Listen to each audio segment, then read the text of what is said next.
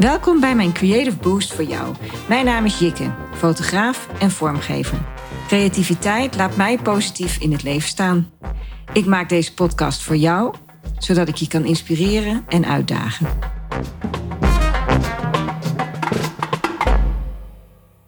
Frank, welkom in mijn podcast. Dankjewel, Jikke. Hartstikke leuk dat je hierbij bij wil zijn. En ehm, ja, ik wil graag eh, met jou een beetje hebben over jouw creatieve leven. En, eh, maar ik ken jou natuurlijk van de Zwarte Cross.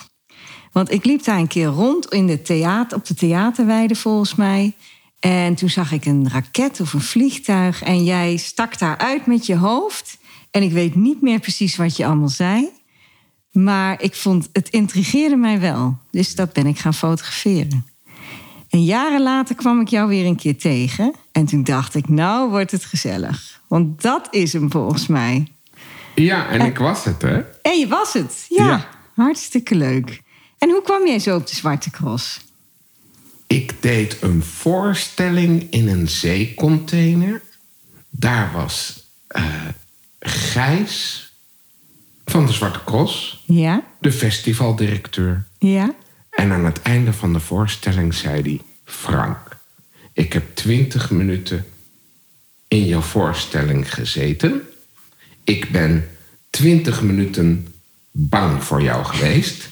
Wil jij de dominee worden van de Zwarte Cross?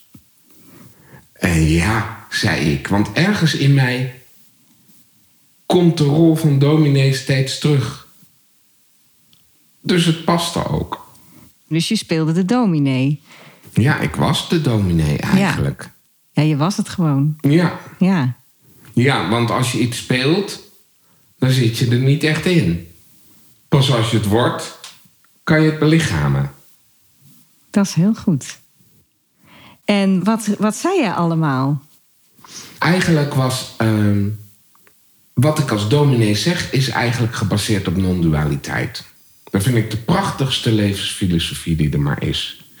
Omdat zelfs als het uiteindelijk allemaal complete nonsens blijkt te zijn, vind ik het nog steeds de meest gezonde manier om naar het leven te kijken.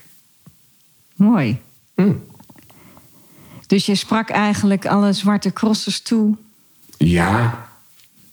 Ja, en eh, de, de eerste keer was eigenlijk het beste, want ehm, ik, ik dacht, ja, ik moet in die megatent iets doen.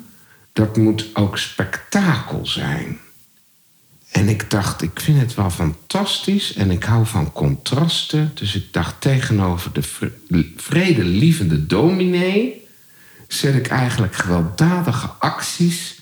Dus ik moet eigenlijk op dat podium dingen gaan mollen. En toen ben ik naar de kringloop gegaan. En toen heb ik gekeken, nou wat zou ik hier eigenlijk van kunnen mollen? En toen kwam ik bijvoorbeeld kinderpuzzeltjes tegen. Van die hele schattige plankjes met eh, eh, stukjes met van die rode knopjes erop... die precies in het vormpje passen. Toen dacht ik, ja, daar gaat mijn preek over. Dat wij eigenlijk vanuit ons duivelse verlangen om kinderen te kneden, hun dwingen om de vormpjes precies op de juiste plek te zetten. Dus in mijn gedachten wordt dan eigenlijk zo'n heel schattig, lief speelgoedje gewoon een duivelsding wat kapot moet.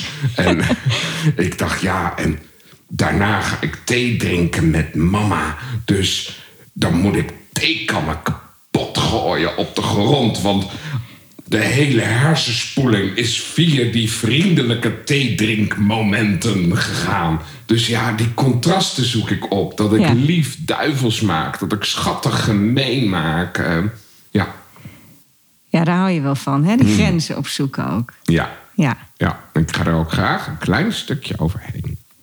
heel goed. Ja. Ik zag op YouTube een filmpje. En daar was jij op een bruiloft of een feest. En daar ging jij een karikatuur tekenen van iemand.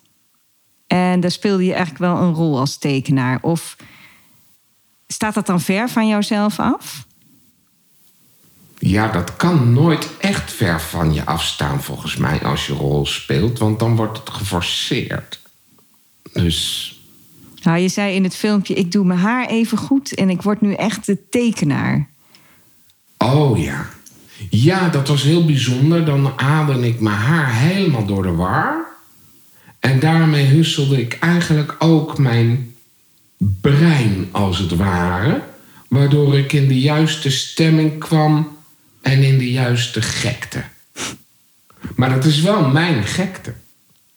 Ja, want je kreeg de hele ruimte mee. Ja. Zag ik op het filmpje. Ja. Ja.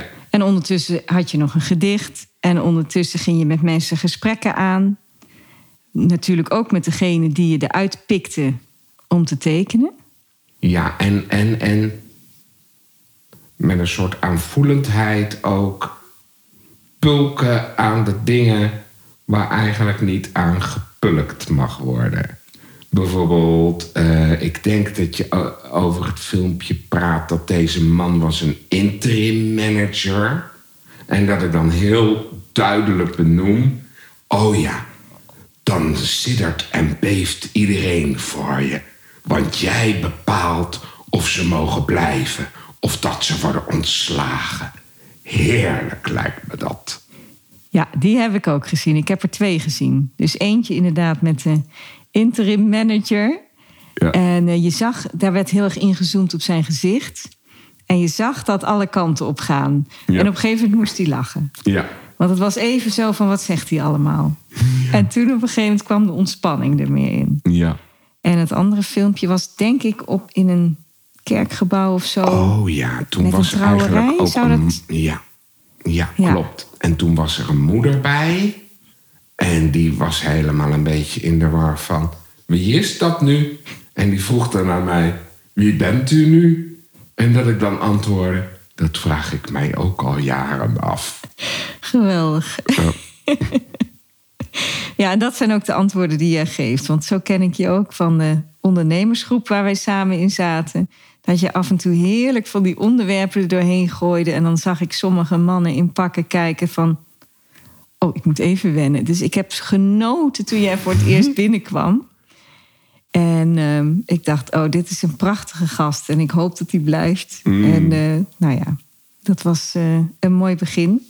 Ja, eigenlijk komt dit allemaal omdat ik eigenlijk al heel vroeg begon met heel diep over het leven na te denken. Omdat ik eigenlijk een hele moeilijke jeugd had. Ja. Het eigenlijk niet snapte wat er gebeurde. En er eigenlijk geen volwassene was die mij het vertelde. Zat ik eigenlijk als kind al hele diepzinnige boeken te lezen. Eh, Wayne Dyer, Geen zee te hoog. Of een zelfhulpboekje om gelukkig te worden. Nou, ik was net 12 of 13 dat ik daarmee bezig was. Mijn vriendjes die noemden mij al Socio Frank, omdat ik over gevoelens praatte. Ja, Mooi. dus ja. En, en, en ja, dat, dat, dat is ook een enorme liefhebberij altijd geweest. Ook om, om, om over essentiële dingen heel diep na te denken. Dus, maar voor iemand die er dan niet mee bezig is, kan het zijn dat ik echt volkomen nonsens uitkraam. Terwijl het eigenlijk een hele gedachtenwereld achter schuilt. En ik heb eigenlijk van een, een, een, eh, een mooie gesprekken dan ook met impresariaten gehad. Dat op een gegeven moment zo- zo'n man tegen me zei: Ja, Frank, bedenk ook goed, ze hoeven niet te begrijpen wat je zegt. En die heb ik heel goed in mijn oren geknoopt. Want ik dacht, ja, dat is eigenlijk wel mooi. Die eigenlijk hele diepe dingen zegt. Ja. En misschien hoort iemand het, maar het hoeft niet. En als je als kind dus dat soort dingen las en nadacht daarover, ging je dan ook wel eens toen al aan vriendjes vragen dingen over hun gevoel? Of speelde dat meer in, zich, in, je, in jouzelf af? Nou ja, ze noemden me natuurlijk niet voor niets Socio Frank. Ja, Dus ik sprak daar dan over. Ik ben denk ik al compleet een open boek. Ik denk niet dat ik echt mijn innerlijke leven verborgen kan houden, zelfs maar.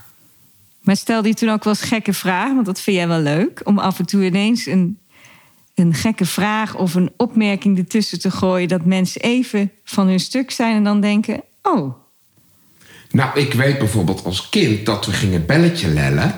En ik vond het zonde om weg te rennen. Want ik wou eigenlijk die confrontatie wel zien. Dus dan belden we. En eh, dan deed die mevrouw of die meneer open. En dan riepen wij samen... Oh, wat een banaan. We zijn blijven staan. en dat bracht dan echt hele vrolijke momenten... die eigenlijk ook heel ontwapenend zijn. Maar ik heb ook altijd op voorbijgangers op straat daarop gereageerd. Dat vriendjes ook tegen mij zeiden... Oh Frank, je bent zo brutaal. Ja. Ja, het zit er gewoon in. Dat, zit, ja, dat is mijn karakter. Ja, precies. Ja, dat is juist mooi. Als ik naar jouw website kijk en ik lees jouw stukje over creativiteit, dan zeg je de creativiteit waarover ik beschik is echt een cadeautje van mijn ouders. Veel fantasie en ideeën ploppen op als paddenstoelen in de herfst.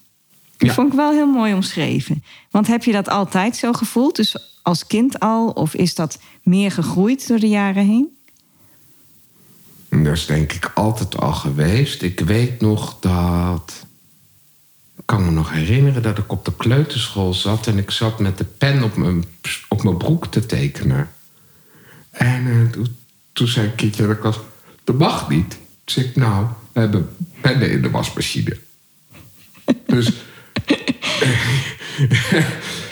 het is denk ik gewoon altijd gewoon een eh, fontein geweest in mij. Ja, het heeft er altijd gezeten. Ja. Is dat voor jou creativiteit, die, die ideeën krijgen? Of is creativiteit iets heel anders voor jou? Ja, als ik nu zo eigenlijk als definitie neem ik normaal verbindingen leggen die niet vanzelfsprekend zijn. Maar zo'n ideeënfontein, dat is toch weer wat anders.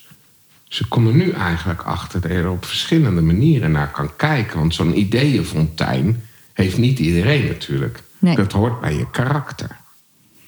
Tegelijkertijd denk ik, iedereen is creatief hoe vrijer je eigenlijk denkt. Dus hoe minder verkrampt je bent in hoe dingen zouden moeten zijn. Of hoe je hebt geleerd dat het moet. Of ja, dat er een soort starheid in het denken is ontstaan. Hoe minder dat is, hoe creatiever je ook oplossingen kan bedenken. Want ik denk dat een wetenschapper ook heel creatief kan zijn door linken te leggen die heel vernieuwend zijn. Ja, absoluut. Ik denk dat creativiteit op heel veel plekken terugkomt. En je ook op heel veel plekken kan gebruiken. En ik denk dat iedereen heeft dat eigenlijk wel in zich. Maar het is wat je ermee doet en of je het toelaat. Ja. Ja, of je vrij durft te denken. En ik denk dat die dan ook heel erg eh, raakt aan of je gevoelens er mogen zijn. Want starheid in denken heeft ook vaak de functie dat je dan eigenlijk minder hoeft te voelen wat er is. Want ik denk er anders over, dus ik hoef hier nu niks mee. Ja. Dat is mooi. Dus ik denk dat als je gewoon kan zijn met wat is, dan is daar een soort ontspanning waar veel meer kan ontstaan. Dus ik denk dat creativiteit ook te maken heeft met een soort emotionele volwassenheid. Het binnen durven laten komen. Ja, De rust op durven te zoeken waarin dat binnenkomt. Want waar krijg jij ideeën? Zijn dat speciale plekken of, of is dat gewoon een doorlopend gebeuren, die fontein?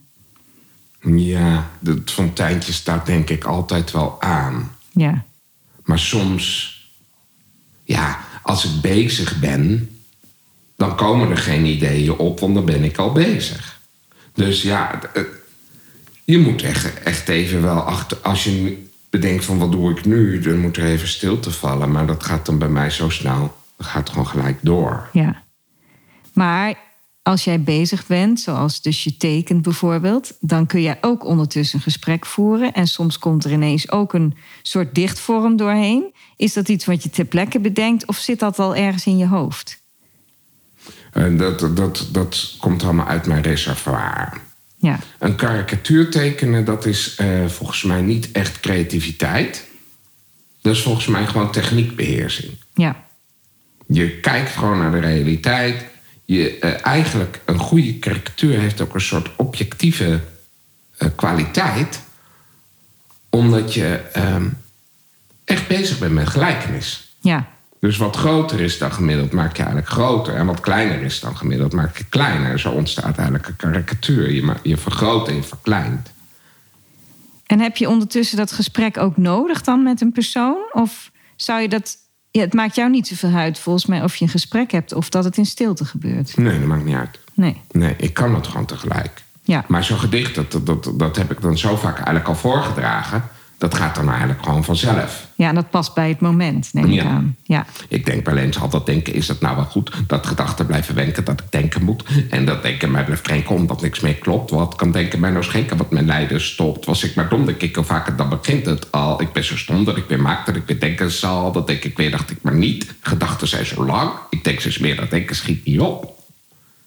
Ja, dat rolt er gewoon vanzelf uit, alsof ik adem. Want dat Mooi. gedicht is doorleefd. ja. En het klopt. Op dat moment klopt het. En daar komt het bij je op.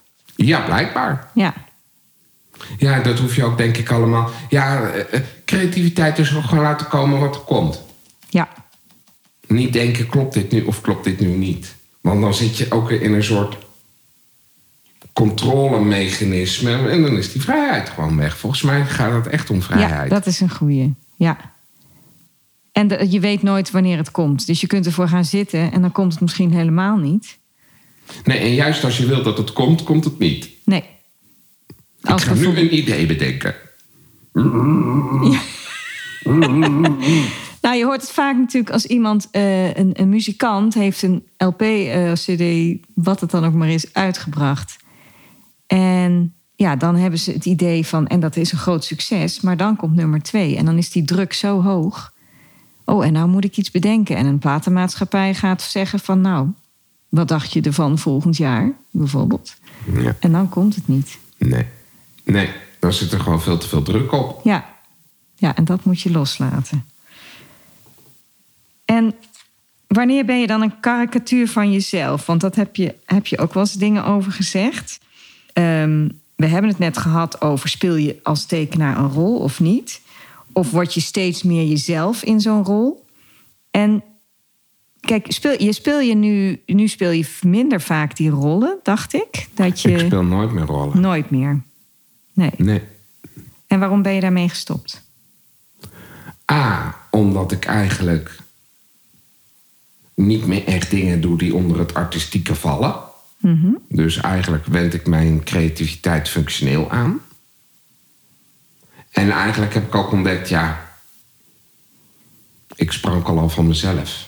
Dus ik hoef daar eigenlijk geen vervormingen in aan te brengen. Ehm, als ik ga staan en ik roep iets en het maakt eigenlijk niet eens uit wat, dan komt het over. Ja, Dat, dat is niet eens een verdienste van mij. Dat is gewoon, dat zit blijkbaar in mijn fabrieksinstellingen, in mijn genen. Dat als ik ga opstaan en ik, en ik roep... Nou, dan moet iedereen lachen. Dat gaat vanzelf. Ja, want je, je wordt ook wel eens gevraagd van... nou, hij is heel komisch en hij is een soort cabaretier... of hij is een stand-up comedyman. Maar dat, zo zie je jezelf niet altijd, toch? Nee, nu al helemaal niet meer, nee. Nee. Ik heb dat wel gedaan. Ook stond stand-up comedy. Dacht ik, ja, eigenlijk wat ik vaak ook... Wat ik toen een soort beeld had van stand-up comedy... dat is eigenlijk ook een beetje kek. Een beetje hip. Toen dacht ik, nou... Ik wil nu als stand-up comedian wel de grootste sukkel neerzetten... die ik maar uit mijn hoed kan toveren. Echt. ja, Ja. dus ik zoek vaak ook totaal de, eh, de tegenovergestelde kant. Ja. Dus die rol die wil ook nog wel eens veranderen misschien. eh. Ja, ik praat nu eigenlijk in de tijd dat ik nog rollen speelde. Ja, dat doe ik nu niet meer. Nee, nee, daarom. Dat is nu... eh, Heb je nieuwe plannen? Ja, ik begin nu met de algehele scan in de verkencaravan. Klinkt al heel goed. Ja, dat is eigenlijk naar me toegekomen eh, als idee. Omdat ik zie, eh, ik werk veel voor wijken en zorg. En het is heel complex. En de mensen kunnen maar eigenlijk heel moeilijk samenwerken. Want ze zitten allemaal eigenlijk op een eigen eilandje. Toen dacht ik, wat nou als ik met mijn bootje tussen de eilandjes doorvaar... en daar de lijntjes heen en weer span. Gewoon vanuit de praktijk. dan houden eigenlijk die eilandjes op te bestaan. En iedereen is druk met de maan uit van de dag. Dus ik, hoef ze, ik heb ze maar 20 minuten nodig in de verkenkerven. Dragen ze eigenlijk bij aan het beeld wat ik aan het schetsen ben van wat iedereen erover denkt. En eigenlijk onder de stroom door maak je het ontzettend helder en overzichtelijk.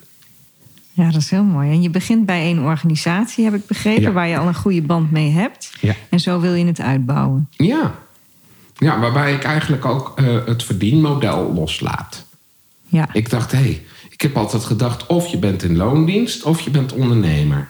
En ik wil het eigenlijk allebei niet zijn... want ik wil eigenlijk gewoon bijdragen aan een mooiere wereld. ja. En dat is een prachtig gegeven. Hm. Maar dat past ook wel bij jou als mens. Ja, Ja, ja, ik heb ook altijd moeite gehad met geld. En ik heb heel lang geleden bijvoorbeeld geschreven... al dat geld, gadver, ik ben het gewoon weg zat. Al dat gestres en dat gezeurde heb ik nou wel gehad. Het werken vind ik best wel leuk, maar ik ben geen bankier. Het liefst doe ik het gratis, in ruil voor mijn plezier. prachtig. En kwam je zo ook een keer, want je hebt de transparante kerk bedacht. Ja, Dat vond ik ook geweldig toen ik daarvan van hoorde van jou. Een grote opblaaskerk ja, die eigenlijk het hele land door kon. ja. En wat was je idee daarachter? Nou, dat komt eigenlijk weer uit die dominee. En ook dat ik dominee was van de Zwarte Cross. En toen op een gegeven moment had ik ergens een lezing op een station. Ehm, het ging in ieder geval ook over vrijdenken. Die vind, ik, die vind ik heel belangrijk, vrijdenken. Want ik zie dat mensen vaak in de kramp schieten in hun denken. En dan ontstaat er eigenlijk allemaal ellende en eh, ruzie en wel eens niet. En dan denk ik, joh, het kan allemaal naast elkaar staan. En toen was ik eigenlijk over vrijdenken aan het praten in, in, in, in een stationswachtruimte. Want er was theater op het station en ik speelde in die ruimte, maar ik speelde er ook buiten. En ik betrok ook instappende passagiers in mijn voorstelling. En het werd echt. Het was echt compleet onduidelijk. Maar eigenlijk nou mijn voorstelling begon en waar die ophield. En toen dacht ik eigenlijk, eigenlijk maak ik hier nu een transparante kerk. En toen dacht ik, die wil ik. En toen had ik hem ook bedacht voor de Zwarte Cross. Ik dacht, ja, op de Zwarte Cross moet dan de transparante kerk staan. Ja, En toen was ik later met iemand anders weer aan het praten. En die zei, joh, wat dacht je een opblaasbare kerk? Toen dacht ik, ja. Dan heb ik eigenlijk geïnformeerd hoeveel zo'n ding moest kosten. Om te laten maken. Dat was 15.000 euro. gulden, denk ik. Euro. Oh, euro. Tot 2011. Oh, oké. Ik dacht dat het langer geleden was. En ehm, toen dacht ik, ja, dat heb ik niet. Maar toen overleed mijn moeder.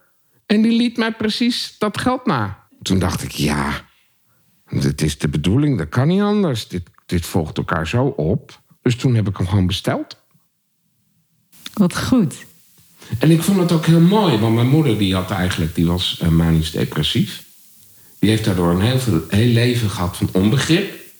Waarbij ik eigenlijk haar nalatenschap gebruikte als één grote uitnodiging voor begrip.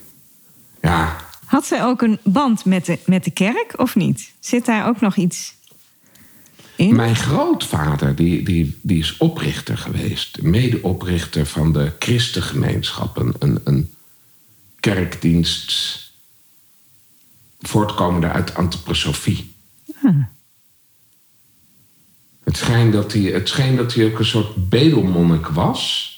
En dat mensen geld betaalden door... dat hij leefde van envelopjes met geld die door de brievenbus werden gedaan. Nou, vind ik echt geweldig. Ja, echt Mooi verhaal. fantastisch. Ja, een soort moderne westerse bedelmonnik. mooi. Ja. En, toen, en toen ging je op pad met die kerk. Wat, eh, waar werd het voor gebruikt met name? Ja, mijn, mijn idee was eigenlijk ook om naast bedrijven te staan en daarin de religie van een bedrijf onder de loep te nemen. Omdat eigenlijk elke cultuur is eigenlijk een religie met overtuigingen en, en, en ideeën en dingen die vaak volgens mij helemaal niet kloppen. Of waar je in ieder geval vraagtekens bij kan stellen. En ehm, uiteindelijk kwam ik gewoon toch weer terecht op festivals. Waarschijnlijk omdat ik toen nog niet snapte hoe ik de klik naar. Ik, ik zat nog in die creatieve wereld en ik wou eigenlijk. Ja, want ik vind echt. Ik klik het... naar de bedrijfswereld of zo. Ja, ja, Of, of eigenlijk naar de functionele wereld en de kunstwereld staan zo los naast elkaar. Terwijl ik denk, hoe mooi zou het zijn als je die gewoon zou mengen. Dat zou hartstikke mooi zijn. Dat je gewoon theater hebt in de pauze. Of uh, ja, je ziet het nu ook vaak, hoe, hoe, noem je dat ook weer? Dat opeens allerlei mensen in een station gaat, gaan zingen. Ja, dat, dat ze allemaal samenkomen en dat er eentje begint en dan komen er steeds meer bij. Ja, ja mooi. Ja, ik denk, ja, zo moet eigenlijk kunst zijn. Dat je niet naar een museum moet voor een schilderij, maar dat het gewoon opeens in de trein hangt of zo. Ja, ja dat een beetje praktisch onmogelijk met een schilderij van 170 miljoen. Maar,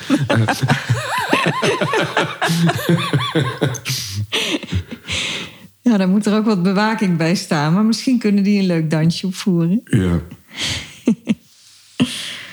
Mooi. Mm.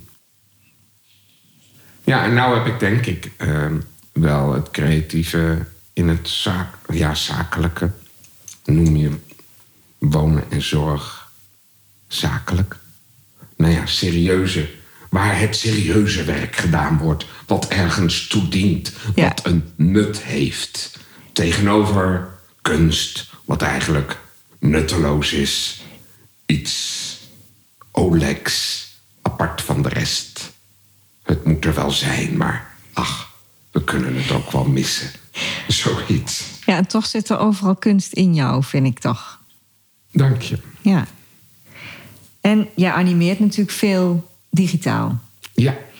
En je hebt ehm, gezegd van de animatie begint met een wasmachine. Het start in je eigen wereld, maar het begint bij jezelf. Ja, dat is eigenlijk ehm, marketing. Ik ging daar een verhaal vertellen eigenlijk over ehm, hennepvezel, henneptextiel. Dat staat in principe heel ver van de mensen af. Dus ik dacht, hoe breng ik dat zo diep mogelijk in hun eigen beleving? Ja.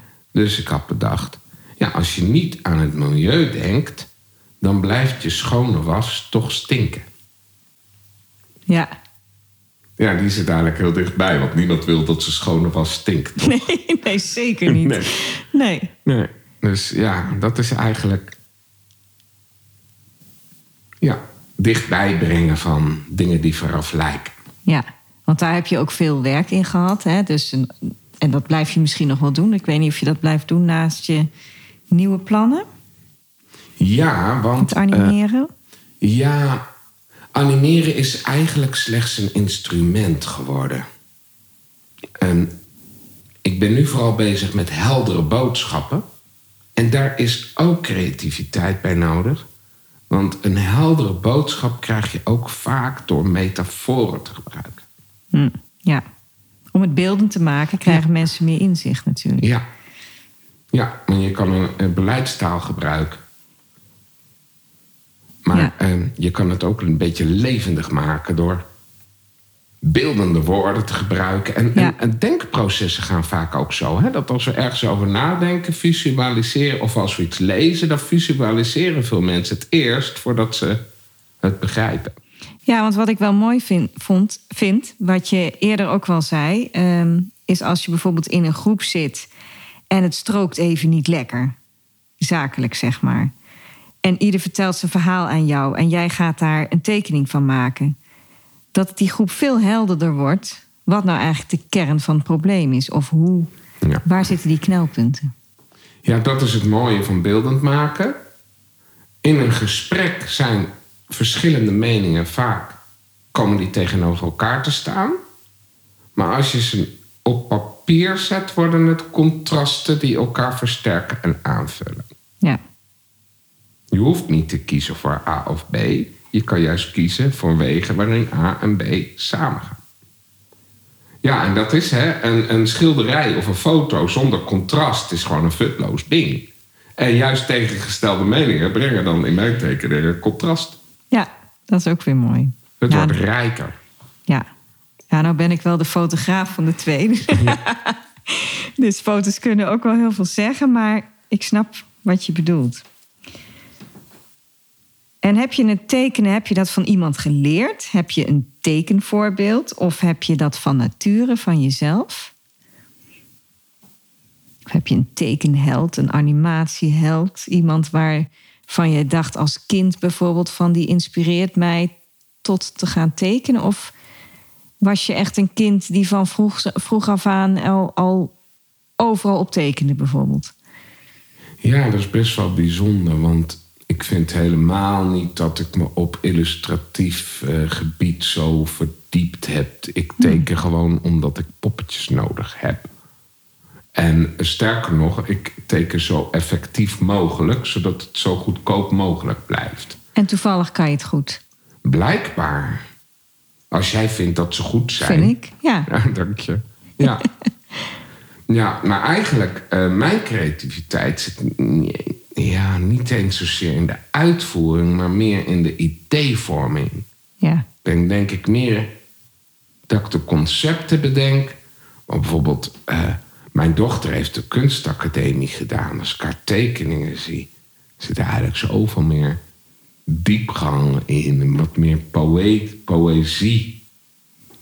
Dan denk ik, ja, dat hoort eigenlijk helemaal niet bij mij. Ik, ik, ik breng gewoon eigenlijk dingen bij elkaar die eerst niet bij elkaar hoorden. En daardoor maak ik, maak ik iets krachtigs. Jij maakt dingen helder. Ja. Dus als mensen met een probleem komen die zeggen van ja, hoe moet ik dit nou toch in beeld brengen? Ja, dan kan jij daar vaak een goede oplossing voor geven om dat beeldend te maken. Ja, en ook om de essentie eruit te halen middels tekeningen. Ja, en ook op websites bijvoorbeeld, hè? dat er iets gaat bewegen of iets gaat. waarmee je mensen triggert. Om, ja. Ja, dat is eigenlijk gewoon een psychologisch voefje. Als je over een webpagina naar beneden gaat en het beweegt allemaal een beetje, ja, daar wordt ons brein gewoon blij van. Daar houden we van. Ja. ja. ja. Dus eigenlijk is het in zekere zin een klein beetje goedkoop. Het is gewoon aansluiten op breinprocessen. Maar eigenlijk wat ik boeiender vind, is eigenlijk uh, het verhaal dan vervolgens zo maken dat je mensen echt naar binnen trekt. Ja. Dat is de uitdaging. En dan heb ik eigenlijk, dit jaar heb ik eigenlijk ontdekt dat ik eigenlijk... Eerst dacht ik, oh, ik ben alleen maar van de tekening. Maar dit jaar heb ik eigenlijk ontdekt, hé, hey, ik ben eigenlijk ook schrijver. Kan je daar een voorbeeld van noemen? Wat je dan dit jaar daarin ontdekt hebt? Nou, um, ik kreeg dus heel veel terug van... hé hey Frank, je schrijft hartstikke lekker. En toen dacht ik, oké, dan ga ik dan eens een keer uitdiepen. En um, ik weet nou bijvoorbeeld als ik een LinkedIn-post schrijf... dat hoe ik ongeveer dat moet schrijven, dat ik gewoon heel veel uh, positieve reacties krijg. Dus dat aansluit. Ja. Dus. Nou, je weet het ook nu in woorden te vertellen. Dus niet alleen in beeld, maar ook in woorden. En dat kan natuurlijk samen heel krachtig zijn.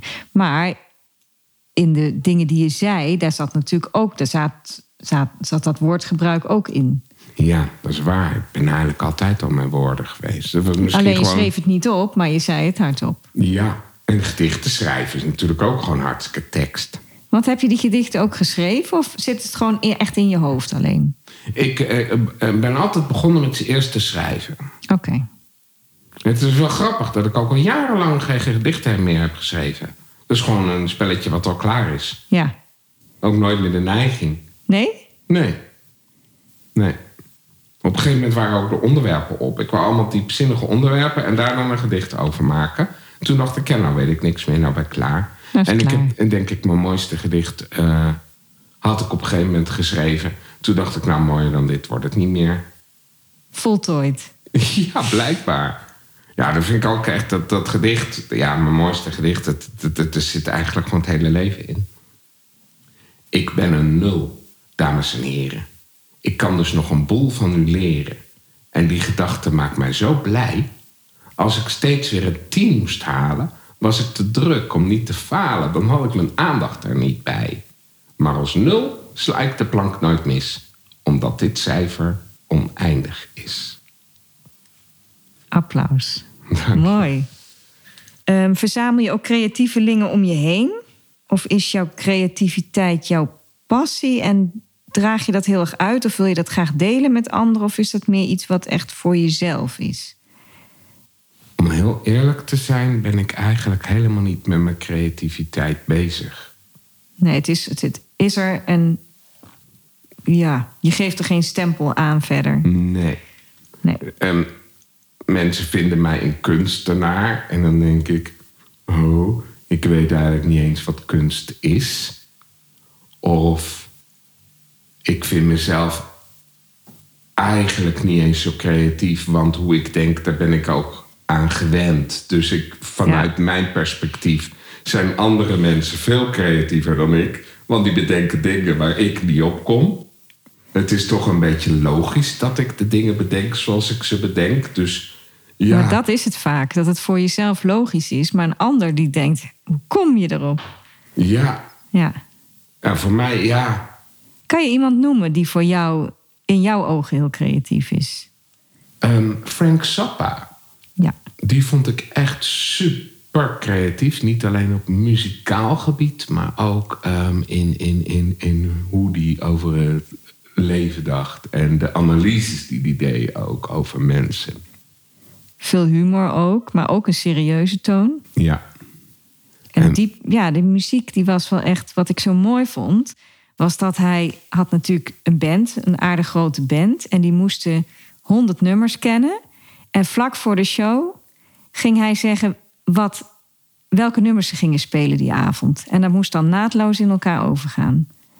En dat, ja, dat soort dingen, dat vind ik heel knap. Terwijl heel vaak is het allemaal uitgedacht van tevoren. Hè? Is het helemaal duidelijk wat ze gaan spelen. Die show zit helemaal zo in elkaar. Maar bij hem, Ja, hij, hij eiste nog, veel van de mensen om hem heen ook. Ja. En sterker nog, hij stond eigenlijk als een dirigent ook op het podium. Waarbij hij, als hij één move maakte, dat de hele band hem op dat moment tak Ja. moest volgen ook. Dus het was. Ja, het was technisch heel goed. Een ander eh, held van mij is ook Wim T. Schippers. Geweldig. eh, de, de, de series die hij heeft gemaakt. Maar ook dat ik een keer naar een overzichtstentoonstelling ging. Dat er zo'n suppo stond. Een heel serieus gezicht.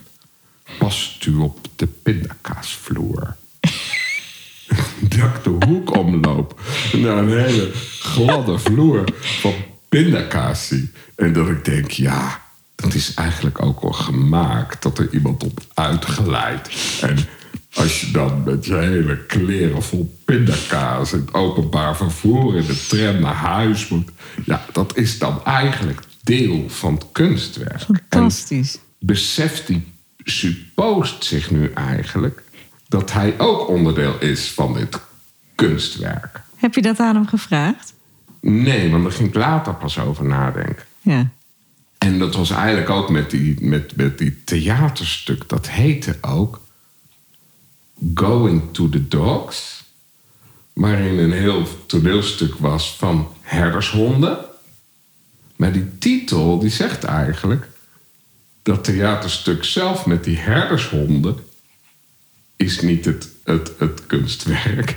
Maar dat iedereen naar een toneelstuk gaat... wat opgevoerd wordt door honden... en dat iedereen er ook naartoe gaat... dat is eigenlijk het kunstwerk. Want anders heette het natuurlijk nooit... Going to the Dogs. Ja. Ik vind het briljant, want daar, dat is eigenlijk precies ook wat ik heel mooi vind: dat de grens tussen kunst en creativiteit en het dagelijkse leven diffuus is. Dat je niet ziet waar het ophoudt en waar het begint. Ja. Dat is mijn wens voor de wereld: dat er veel meer ruimte is voor creativiteit. Dat in een saaie vergadering iedereen blij is als iemand opeens opstaat en zegt: Zullen we even lekker met onze billen schudden? Ja.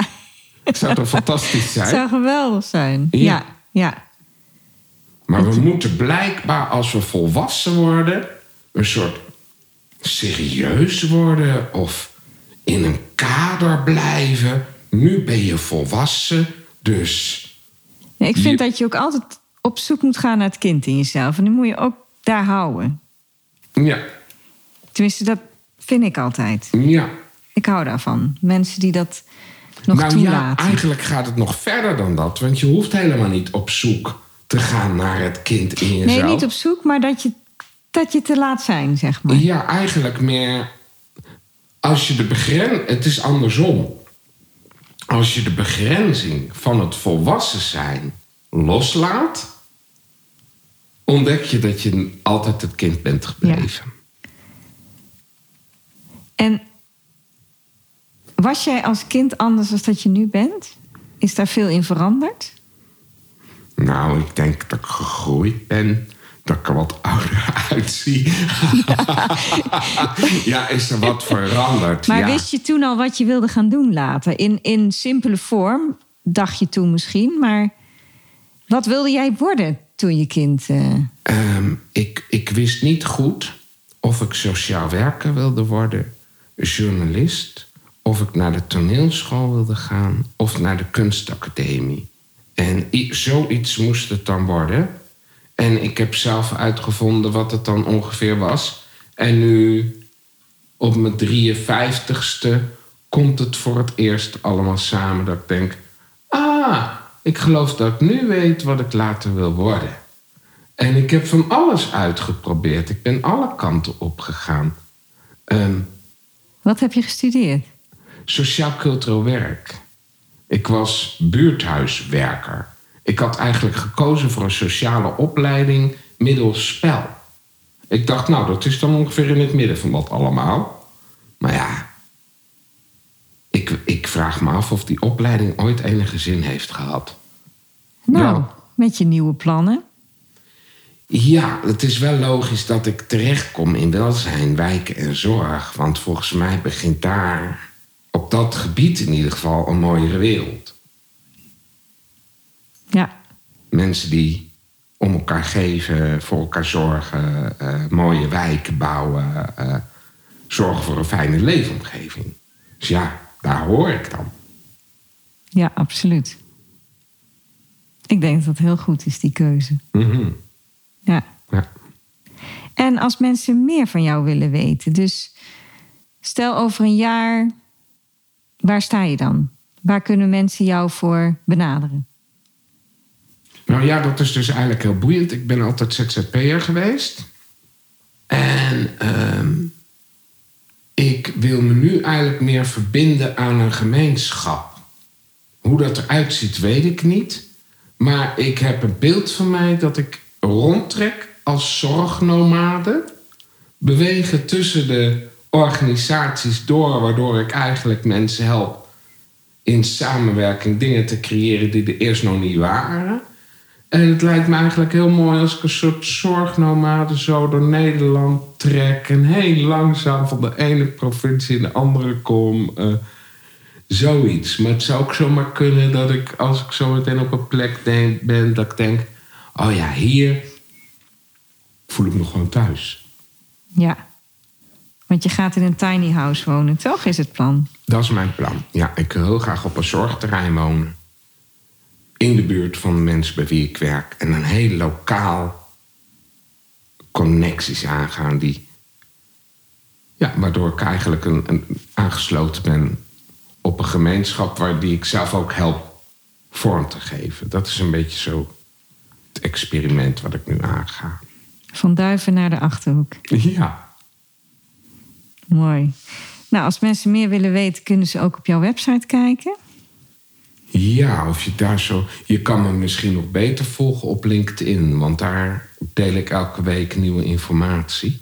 Frank Los, LinkedIn. Ja, Super. Is er misschien iets wat je als opdracht zou kunnen geven aan de luisteraar om eens even die gedachten los te maken, bijvoorbeeld? een hele goede oefening voor creativiteit is om twee voorwerpen te vinden die helemaal niks met elkaar te maken hebben en daar dan een link tussen te bedenken. Dat lijkt me heel goed werken. Dus je gaat in je woonkamer en eh, misschien gewoon met ogen dicht iets pakken. En daarna ga je bijvoorbeeld naar zolder en daar ook iets met ogen dicht iets pakken. En dan te bedenken, verrek, dit heeft niks met elkaar te maken. En nou ga ik zorgen dat het aansluit. Super. Die geven we mee aan de luisteraar. Top. Hm. Hartstikke bedankt. Graag. En eh, tot een volgende keer. Yes, de bel gaat. De volgende interviewer staat al in de rij. Ze staan al in de rij. Frank, geweldig hè?